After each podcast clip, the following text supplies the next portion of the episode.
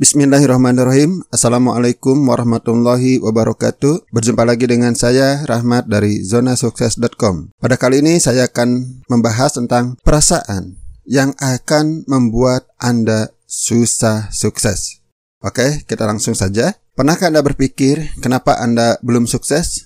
Padahal Anda merasa sudah sudah bekerja keras, sudah ikhtiar maksimal, segala hal sudah dilakukan, sudah berdoa dan bertawakal. Apakah takdir?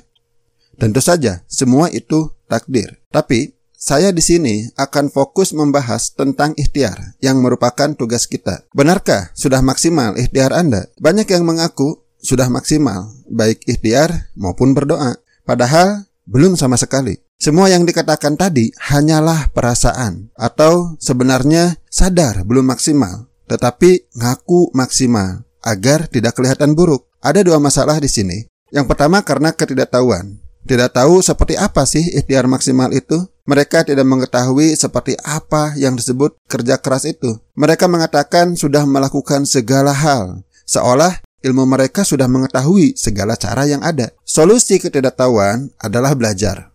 Lihat bagaimana orang-orang sukses bekerja keras, bisa belajar langsung ke orangnya, bisa membaca buku, bisa menonton video, dan sebagainya. Sampai Anda nanti akan sadar bahwa apa yang Anda lakukan itu belum apa-apa. Ternyata kerja keras masih bisa ditingkatkan, masih banyak hal yang bisa kita lakukan, belum segalanya. Artinya, jika usaha Anda belum menghasilkan, mungkin ada yang salah, mungkin ada yang kurang, atau mungkin belum cukup. Jangan cepat menyerah, mengatakan sudah melakukan segalanya, padahal ilmu Anda belum mengetahui segalanya. Jika bingung atau tidak mengetahui apalagi yang harus dilakukan, bukan berarti tidak ada. Anda hanya belum mengetahuinya.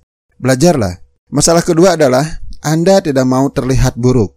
Sebenarnya sadar, belum maksimal, tetapi berdalih bahwa Anda sudah maksimal. Tunggu dulu, saya tidak mengatakan Anda termasuk kelompok yang kedua ini. Jika hanya ketidaktahuan saja, masalahnya sudah selesai. Anda tinggal belajar, kemudian tingkatkan ikhtiar Anda, baik kualitas dan kuantitasnya. Tapi, jika Anda masih mengatakan tapi, artinya Anda masuk ke kelompok kedua. Anda termasuk orang yang suka berdalih.